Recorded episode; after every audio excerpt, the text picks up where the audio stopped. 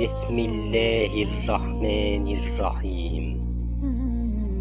يحبهم ويحبونه. السلام يعني اللي ما فيهوش أي نقص أو عيب. ده أمر مفروغ منه في حق ربنا سبحانه وتعالى.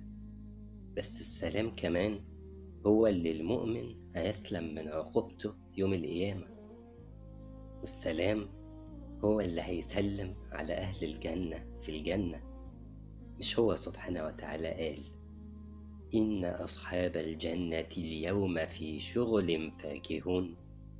يعني انشغلوا بنعيم الجنة وبزيارة بعضهم لبعض عن النار وأهل النار.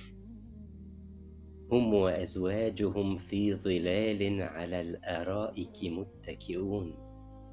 يعني قاعدين مرتاحين في الظل. لهم فيها فاكهة ولهم ما يدعون. يعني كل اللي نفسهم فيه في الجنة. ورغم كل ده تبقى أكبر نعمة في الجنة إيه؟ رؤية ربنا سبحانه وتعالى. وعلشان كده الآية اللي بعدها على طول سلام قولا من رب رحيم. يعني ربنا سبحانه وتعالى هيسلم عليهم بنفسه في الجنة. يا رب يا رب اجعلنا منهم. فالسلام يعني اللي ما فيهوش عيوب واللي المؤمن يسلم من عقوبته يوم القيامة واللي هيسلم على أهل الجنة في الجنة. السلام كمان هو اللي الخلق جميعا سلموا من ظلمه.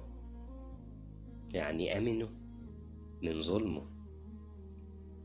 أنت في الدنيا بتمر عليك أوقات تحس إنك اتظلمت حتى من أقرب الناس ليك. صح؟ مش بيحصل؟ أمك أو أبوك أو أخوك أو أختك أو ابنك أو بنتك. إنما السلام هو اللي مفيش مخلوق هيشوف منه ظلم. طيب سؤال. هو مش القدوس برضه؟ معناه اللي ما فيهوش عيوب أو نقص. طب إيه الفرق؟ من ضمن اللطائف في الاسمين دول قيل إن القدوس يعني اللي ما فيهوش عيوب أو نقص في الماضي والحاضر. وإن السلام يعني اللي لا يطرأ عليه أي نقص أو عيوب في المستقبل. لكننا هنقول إنه سبحانه وتعالى القدوس السلام وإن الاسمين معناهم إنه ما فيهوش أي عيب أو نقص لا في الماضي ولا في الحاضر ولا في المستقبل. سبحانه. رب اغفر وارحم وأنت خير الراحمين.